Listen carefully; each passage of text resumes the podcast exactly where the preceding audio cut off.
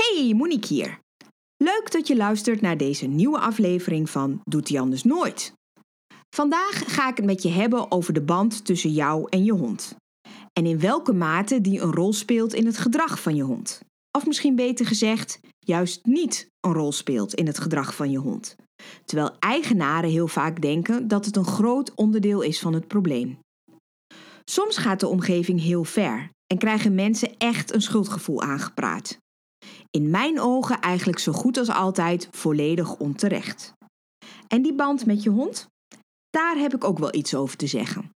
Blijf in elk geval ook nog even tot het einde van de aflevering, want naast een nieuwe vraag van de week heb ik ook nog een klein cadeautje voor je. Shh, Griffin, ik ben aan het opnemen. Doet hij anders nooit. Herken je dit? Dat je dit zegt of denkt op het moment dat je hond iets doet? En kun je hem ook wel eens achter het behang plakken?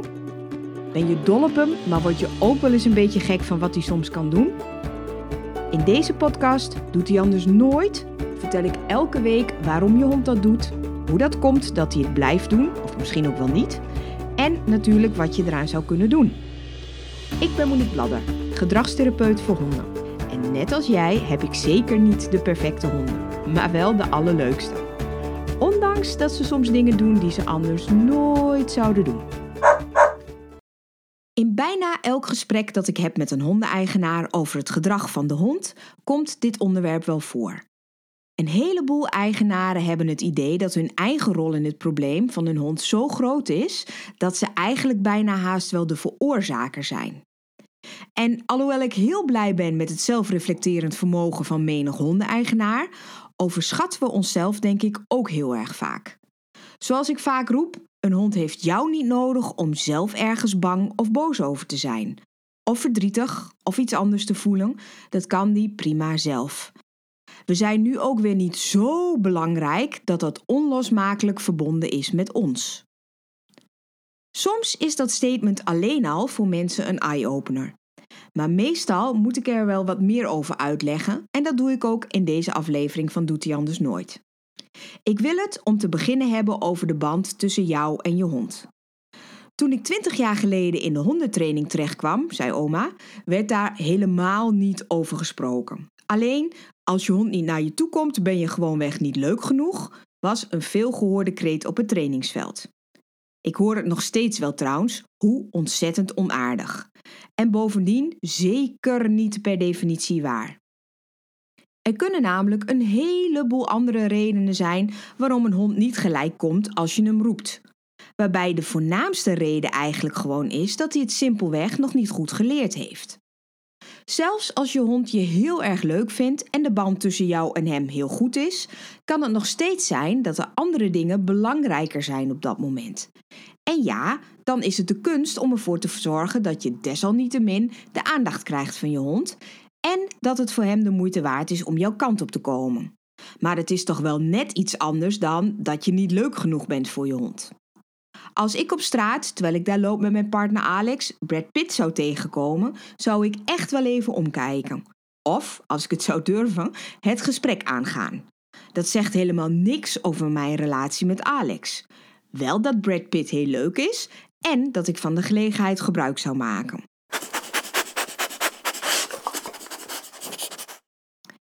Die band dus, tussen jou en je hond, die is super belangrijk om samen te kunnen genieten, om je hond zich veilig te laten voelen.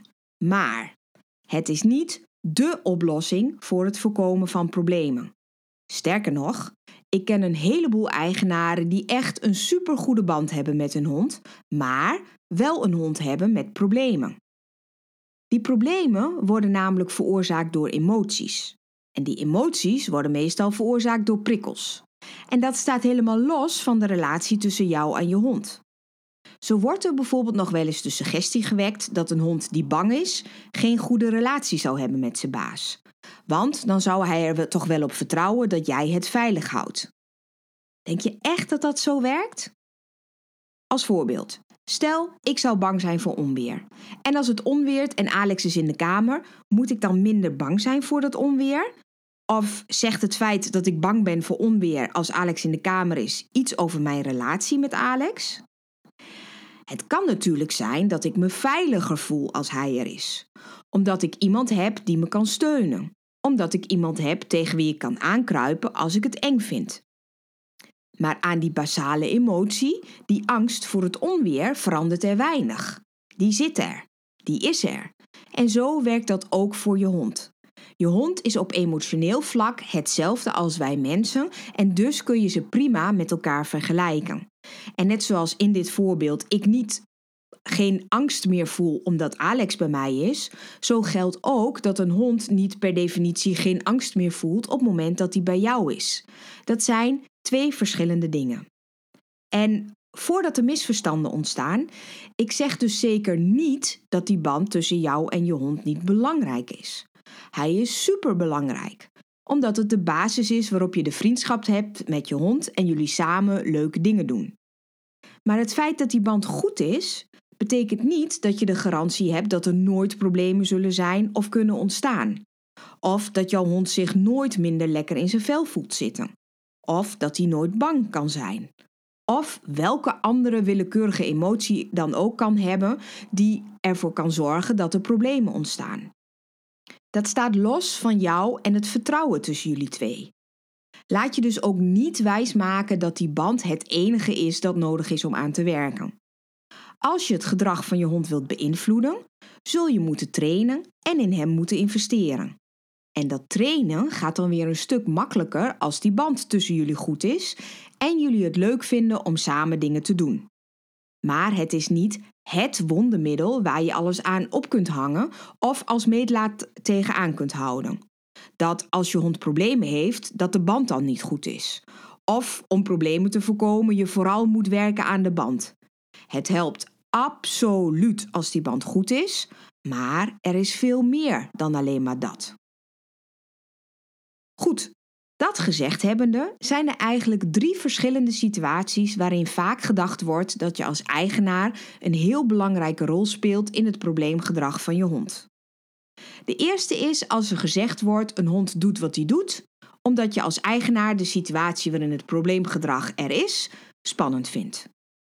Ten tweede, en ik word daar altijd heel verdrietig van, op het moment dat je als eigenaar zelf in een heftige emotionele tijd zit en dat mensen zeggen dat je hond daarom doet wat hij doet.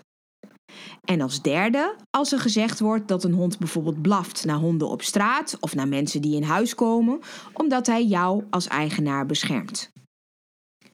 Laten we bij de eerste beginnen. Heel veel eigenaren is aangepraat dat het hun schuld is dat de hond doet wat hij doet. Het is ook niet gek dat hij uitvalt, want jij hebt ook stress. Of ik vind het logisch dat hij blaft, want jij vindt het ook spannend. En heel vaak wordt dit door de omgeving gezegd en eigenaren nemen dit over. Maar het zit eigenlijk altijd anders in elkaar. Een van die redenen waarom ik daar zo allergisch op reageer is omdat het ook in het verleden tegen mij is gezegd. Voordat wij Griffin en Haley hadden, hadden wij onder meer Ian, onze flatcoated retriever. En Ian viel uit naar andere honden. En ik was op dat moment al gedragstherapeut, eh, maar ik kon het eigenlijk ook wel heel erg goed verklaren waarom hij uitviel. Ian was namelijk tijdens de jachttraining aangevallen tot twee keer toe binnen korte tijd door andere honden, waardoor hij het gewoon heel lastig vond om in de aanwezigheid te zijn van andere honden. En ondanks dat ik het heel goed kon verklaren, kreeg ik uit mijn omgeving best wel vaak de opmerking: ja, maar ja, je hebt zelf ook stress, dus is het ook logisch dat die uitvalt. Maar waar dan aan voorbij wordt gegaan, is dat het meestal zo is dat er eerst het probleem is met het gedrag van de hond en daarna pas jouw reactie komt. Ik begon het spannend te vinden om andere honden tegen te komen als ik met Ian aan het wandelen was, omdat ik wist dat ik dan 40 kilo hond in vol ornaat moest zien tegen te houden, terwijl daar ook nog bij mij de druk lag, mentaal gezien, wat andere mensen wel niet van mij vonden, want hé, hey, ik was toch gedragstherapeut. Maar ik kreeg die spanning en ik ging het eng voelen omdat Ian in het verleden was uitgevallen. Het was niet zo dat mijn angst eerst kwam en daarna de reactie van Ian. Het was andersom. Het feit dat Ian ging uitvallen naar andere honden veroorzaakte bij mij stress, niet andersom. Dus dat jij het spannend of eng vindt, is waarschijnlijk gekomen omdat jouw hond ging reageren en niet andersom. En dat is vaak een stukje van de puzzel wat mensen nog wel eens dreigen te vergeten. Een tweede reden waarom ik altijd een beetje nijdig word als ik mensen hoor zeggen van ja, maar ja, hij voelt jouw angst aan of hij doet ook wat hij doet omdat jij bang bent. Dat is omdat het, als je er vanuit een wetenschappelijk oogpunt naar kijkt, helemaal niet zo is dat een hond kan aanvoelen wat jij ook voelt.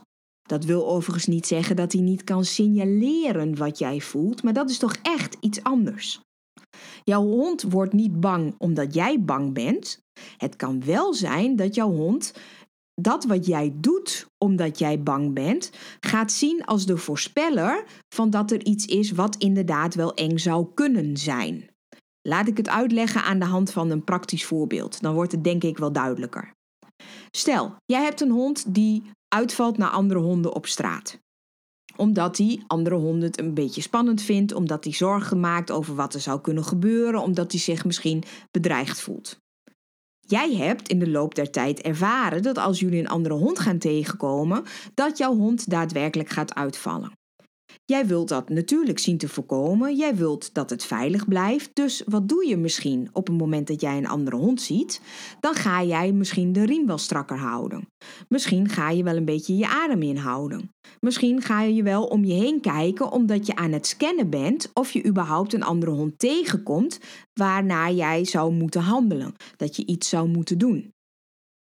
En omdat in het verleden jouw hond geleerd heeft dat als er een andere hond aankomt, dat jij je riem strak trekt, dat jij uh, om je heen gaat kijken, dat je je adem inhoudt, kunnen al die dingen die jij doet, al die kleine dingetjes, voor jouw hond de voorspeller worden dat er inderdaad een andere hond aankomt. Zoals hij misschien ook in het verleden geleerd heeft dat als jij de riem pakt, dat jij met hem gaat wandelen. Of als jij bepaalde schoenen aandoet, dat het betekent dat jullie naar het bos gaan. Zo kan hij ook geleerd hebben dat als jij die riem strak trekt en jij om je heen kijkt en je je adem inhoudt, dat dat voor je hond gaat voorspellen dat er een andere hond aankomt. Die jouw hond eng vindt, waardoor jouw hond uitvalt. Hij neemt dus niet jouw emotie over. Hij ziet aan wat jij doet, aan jouw lichaamstaal, wat er misschien zou kunnen gebeuren. Je doet iets anders, je doet iets geks en dat wordt voor jouw hond de voorspeller van. Je hond neemt dus niet jouw emotie over, want hij kan zich prima zelfstandig um, het eng vinden en het spannend vinden. En het is belangrijk omdat dat wat jij voelt, kun je niet veranderen. Bovendien, tenminste laat ik voor mezelf spreken, maar als ik word aangesproken op hoe ik mij voel, is dat heel erg anders dan wanneer ik word aangesproken op wat ik doe. Wat ik voel kan ik niet zomaar veranderen. Was het maar zo'n feest, zeg ik dan altijd. Maar wat ik doe, kan ik op zijn minst proberen te veranderen.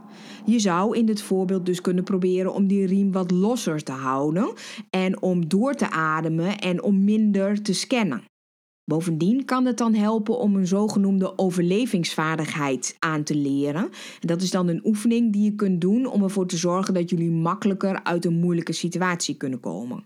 Daar ga ik echt ooit nog wel een keertje een podcastaflevering over maken. Maar dat is ook een belangrijk handvat wat ervoor zorgt dat je geen um, riem kort houdt en zo en dat soort dingen doet. Maar dat het ook wat ontspannender wordt om er doorheen te komen. Niet in hoe jij je voelt, maar wel in wat je doet.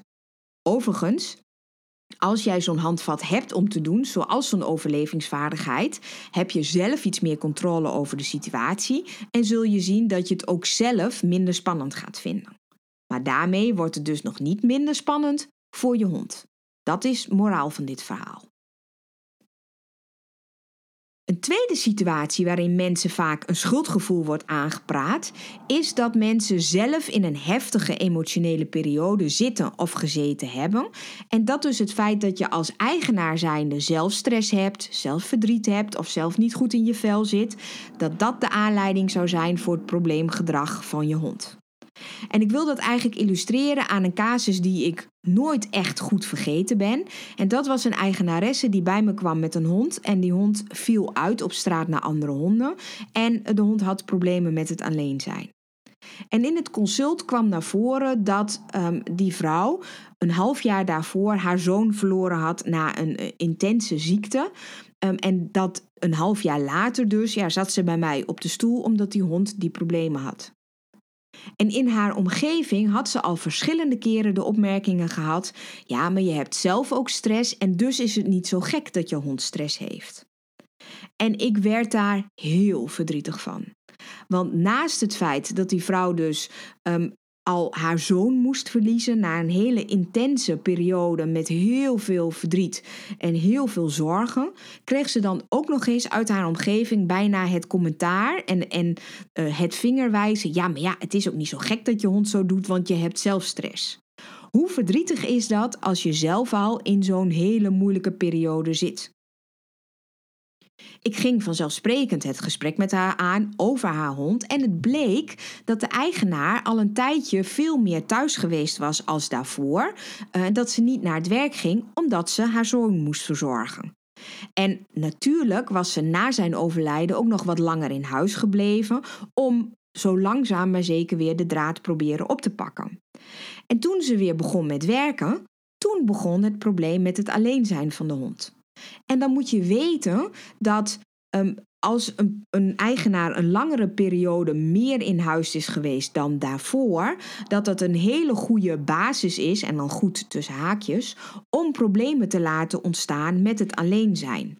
Dat heeft niks te maken met die onderliggende emotie van de eigenaar in dit geval. Maar als een eigenaar langer in huis is geweest dan daarvoor, kan er dus een probleem ontstaan als die eigenaar weer weggaat. Dat is ook een van de redenen waarom ik verwacht dat als straks eh, corona weer achter de rug is, dat ik dan veel meer eigenaren ga moeten begeleiden in het uh, probleem rondom het alleen zijn, omdat mensen nou eenmaal veel meer thuis geweest zijn. Nou, en dat was in deze casus ook het geval. En toen we verder het gesprek aangingen, toen bleek dat ook voor die periode dat haar zoon ziek was, andere honden ook al wel een dingetje leken te zijn. Alleen de hond viel niet uit. Wat er gebeurde voordat, voor alle verdrietige dingen die daarvoor waren, was dat op het moment dat de hond andere honden tegenkwam, dat hij bijvoorbeeld al ging borstelen, dus dat alle haren overeind gingen staan. Nu was die reactie alleen veel heftiger. En die reactie was waarschijnlijk veel heftiger omdat de figuurlijke stressemmer van de hond veel meer gevuld was. De hond moest meer en vaker alleen blijven, terwijl hij dat lastig vond. En die periodes van alleen zijn, en dat waren echt geen acht uren per dag, dat waren twee tot drie uurtjes per dag. Maar die periodes van alleen zijn vulden de figuurlijke stressemmer van de hond. Als je nou denkt, stressemmer, waar heeft ze het over? Op mijn website vind je daar artikelen over en ik heb daar ook eerdere afleveringen over opgenomen. Dus het kan ook goed zijn om die nog even te luisteren. Maar in dit geval was het dus zo dat het alleen zijn de figuurlijke emmer van de hond vulde. Waardoor als de hond dus nu andere honden tegenkwam, dat figuurlijke emmertje veel eerder overliep dan dat het het eerder deed. En dus zorgde dat voor een explosieve reactie van blaffen naar grommen naar andere honden, terwijl dat eerder dus alleen maar zich uitte in um, bijvoorbeeld het borstelen en als eerste signaal dat hij het spannend vond. Het lag dus helemaal niet aan de eigenaar. En het lag al helemaal niet aan het feit dat zij natuurlijk verdriet had en in rouw was over het verlies van haar zoon. Maar voor me zat een moeder die een half jaar daarvoor haar zoon verloren had en aangepraat was dat het haar schuld was dat haar hond uitviel en niet alleen kon zijn. Want haar verdriet had ervoor gezorgd dat. Ik word er opnieuw boos, maar ook erg verdrietig om. Als er heftige emotionele dingen spelen, verandert er ook vaak, iets in de omstandigheden van de hond. Die veranderingen van voorspelbaarheid kunnen ervoor zorgen dat er stress ontstaat, waardoor er ineens bepaald gedrag aan de oppervlakte komt. Het ligt dan dus niet aan de emotie van de eigenaar, maar aan iets heel anders. Meestal zijn dat dus veranderende leefomstandigheden of dingen die in routines heel erg anders gaan. En dat is in elk geval vanuit menselijk oogpunt wel een heel belangrijk verschil. Een derde voorbeeld van wat ik vaak hoor, waarin mensen hun eigen rol eigenlijk overschatten of waarin hun aangepraat wordt dat hun eigen rol veel groter is, is het voorbeeld dat mensen zeggen: hij valt uit naar andere honden omdat hij mij probeert te beschermen. Of dat mensen denken: hij blaft naar visite omdat hij mij verdedigt. En laat ik heel duidelijk zijn: dat kan. Maar toch is dat meestal niet aan de hand. En ik kan me wel voorstellen hoor dat dat idee ontstaat, want meestal gaat het over honden die buiten reageren als andere honden in de buurt komen. En meestal is het dan ook nog zo dat de hond het bij de ene persoon binnen het huishouden meer doet dan bij de ander. En het idee dat een hond je beschermt is misschien ook wel een tikkeltje ego-strelend. Dat een hond vecht voor jou is toch wel een beetje een lief idee. Maar Meestal heeft het alles te maken met de context waarin de hond de andere ervaringen opgedaan heeft. En ik wil je dat uitleggen aan de hand van de Westie Luna uh, van Tini, een van de klanten van mij. Ze kwam bij mij met het verhaal dat haar hond op straat ging blaffen en grommen als ze andere honden tegenkwam. En tijdens het gesprek bleek dat ze dat bij Tini veel meer deed dan dat ze dat bij haar man deed. Waardoor het idee ontstaan was dat uh, Luna Tini probeerde te beschermen. Maar in het gesprek bleek op een gegeven moment dat Tini eigenlijk degene was die haar hond altijd uitliet. Het gebeurde eigenlijk maar zelden dat haar man Luna uitliet. Als ze dat deed, dan was het bijvoorbeeld omdat um, Tini zich niet lekker voelde, of moest werken, of met een vriendin op stap ging. Dus dat waren echt de uitzonderingsgevallen omdat Tini veel vaker Luna uitliet, was het ook zo dat Luna veel vaker negatieve ervaringen opdeed in de aanwezigheid van Tini. Dat was niet Tini haar schuld, maar dat was gewoon ja, een simpele kansberekening. Dat het gewoon simpelweg vaker voorkwam als Tini ermee liep, dat er uitvallen waren, dat er vervelende situaties waren, dan wanneer haar man met Luna liep. En het gevolg daarvan is dat Tini veel vaker op het plaatje stond in het hoofd van Luna, waarbij zij een negatieve ervaring had opgedaan. Ik leg het eigenlijk altijd zo uit: op het moment dat een hond iets vervelends meemaakt, dan maakt hij daarvan een plaatje of een video in zijn hoofd. En alles wat daarbij op dat plaatje en op die video staat, dat wordt een onderdeel van die negatieve ervaring, van die herinnering. Dus op het moment dat jouw hond iets ziet wat erop lijkt op een situatie waarin die in het verleden ook een negatieve ervaring heeft opgedaan, wordt dat plaatje weer naar voren gehaald of wordt die video weer afgespeeld. En als jij daar dan bij opstaat, ja, dan kan het dus zijn dat jij een onderdeel bent van dat plaatje en de voorspeller voor je hond wordt dat er misschien weer iets vervelends gaat gebeuren waardoor jouw hond bij jou misschien vaker en heftiger reageert dan wanneer die bijvoorbeeld met jouw partner op straat loopt. Dan wil die dus niet jou beschermen. Het is het resultaat van eerdere ervaringen. En dat is dus iets heel erg anders. Jouw hond reageert dus hoogstwaarschijnlijk specifiek op een andere hond bijvoorbeeld, of op die onbekende mensen die bij jou over de vloer komen, en niet zozeer omdat hij jou wil beschermen. Overigens, dat onderdeel van dat plaatje speelt bij blaffen naar visite of naar onbekende mensen ook een belangrijke rol. Het gebeurt nog wel eens dat een hond bijvoorbeeld bijna niet blaft als de eigenaar er niet is, maar wel veel meer blaft als jij er als eigenaar wel bij bent. Dat heeft ook vaak weer te maken met dat plaatje en die video in het hoofd van je hond. Het kan bijvoorbeeld zijn dat jouw hond ooit heel erg geschrokken is van een onbekende persoon. Het kan ook zijn terwijl jij er dus bij was. En het kan ook zijn dat je misschien een keer gemopperd hebt op je hond als er onbekende mensen over de vloer kwamen en dat dat ook onderdeel geworden is van dat plaatje. Dus dat is wel belangrijk om daar een verschil in te maken.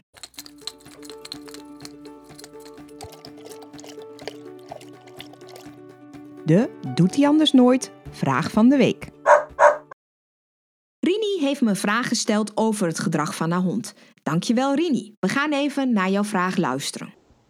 Beste Monique, ik heb een hondje Zoe van zes maanden, wat steeds spullen van de tafel pakt en veel met de pootjes op de tafel staat. Het commando, commando laag kent ze, maar ze blijft het proberen, ook als ik even weg ben. Ik, uh, ook als we even weg zijn. Ik verwacht dat het met de leeftijd te maken heeft en dat we gewoon even door moeten bijten met iedere keer haar te corrigeren. Klopt dit? Ik snap dat het lastig is, Rini, maar je zegt dat je hond het commando kent. Maar als hij het nog doet in aanwezigheid van jullie, kan ik eigenlijk maar één ding concluderen. Hij kent het simpelweg toch nog niet goed genoeg, alhoewel jij denkt dat hij het wel kent. Of het is dus in elk geval niet in die mate dat je erop kunt vertrouwen. Het is daarom niet zo aardig om hem te corrigeren en dat zou ik je ook niet aanraden. Ik zou ervoor kiezen om hem met een nieuw commando te leren dat als hij het laat liggen, dat hij voor jou iets anders krijgt dat hij net zo lekker vindt. Of hij het dan ook laat liggen als jij er niet bent, is nog maar de vraag. En daar zou ik dus ook niet op gokken. In eerdere afleveringen heb ik al opgeroepen tot het insturen van de vraag van de week. En ik heb voor jou als luisteraar heel goed nieuws. Vanaf nu af aan stelt namelijk Bellobox voor elke vraag die ik in de podcast beantwoord een gratis Bellobox naar keuze beschikbaar. Daar hoef je dus niks voor te betalen. Het enige wat je ervoor hoeft te doen is een vraag van de week naar mij toe mailen. Bellobox heeft diverse boxen met alleen maar 100% natuurlijke snacks. In allerlei varianten, van klein naar groot, keuze voor hypoallergeen of niet, voor extreme kauwers of voor puppies. En wil je ook kans maken op zo'n Bellobox? Stuur dan je vraag naar contact@moniquebladder.nl. Elke, elke vraag die ik beantwoord in de podcast wordt dus gehonoreerd met een Bellobox naar keus en daarover wordt dan contact met je opgenomen. Denk je nou Bellobox, wat is dat? Kijk dan op de website van hen bellobox.nl. En ook als je geen vraag van de week hebt, heb ik iets leuks voor je. Een leuk klein cadeautje. Vanaf nu af aan kun je namelijk een kortingscode gebruiken waarmee je 10% korting krijgt op elke willekeurige box naar keuze, met uitzondering van de themabox. Je kunt hiervoor de code BLADDER gebruiken en let op, dat moet je schrijven met alleen maar hoofdletters. Dus ga daarvoor naar de website bellobox.nl, bestel een box en geef dan bij de kortingscode aan bladder B-L-A-D-D-E-R en dan krijg je 10% korting. En je mag die code ook verspreiden. We overschatten onze eigen rol nog wel eens als het gaat over probleemgedrag van onze hond. Het wrange daarin is dat dit meestal in eerste instantie niet bij jou als eigenaar vandaan komt, maar dat het je door je omgeving wordt verteld. Laat het je niet wijsmaken. Als je hond een probleem heeft, betekent dat zeker niet dat de band tussen jullie twee onvoldoende is. En je hond heeft jou niet nodig om sommige situaties lastig te vinden. Dus val je zelf ook niet lastig met het idee dat het jouw schuld is. Dat neemt overigens niet weg dat je niet moet investeren in het vinden van een oplossing. En dat het altijd helpt om te proberen geen gekke dingen te doen als er een situatie is die je hond lastig vindt. Maar dat is iets heel anders dan dat het jouw schuld is. Wil je verder praten over dit onderwerp of over ander probleemgedrag? Word dan lid van de gratis Doet hij anders nooit club op Facebook. Dan zie en hoor ik daar je vragen en verhalen vast terug. Bedankt dat je hebt geluisterd naar Doet hij anders nooit. Ik hoop dat ik jou en je hond wat verder heb geholpen. Wil je geen enkele Doet hij anders nooit missen? Abonneer je dan op mijn podcast en nog beter, laat een review achter. Zou ik super blij mee zijn. Wil je dat ik jouw vraag ook beantwoord in deze podcast? Mail dan naar contact@moniquebladder.nl. Tot volgende week.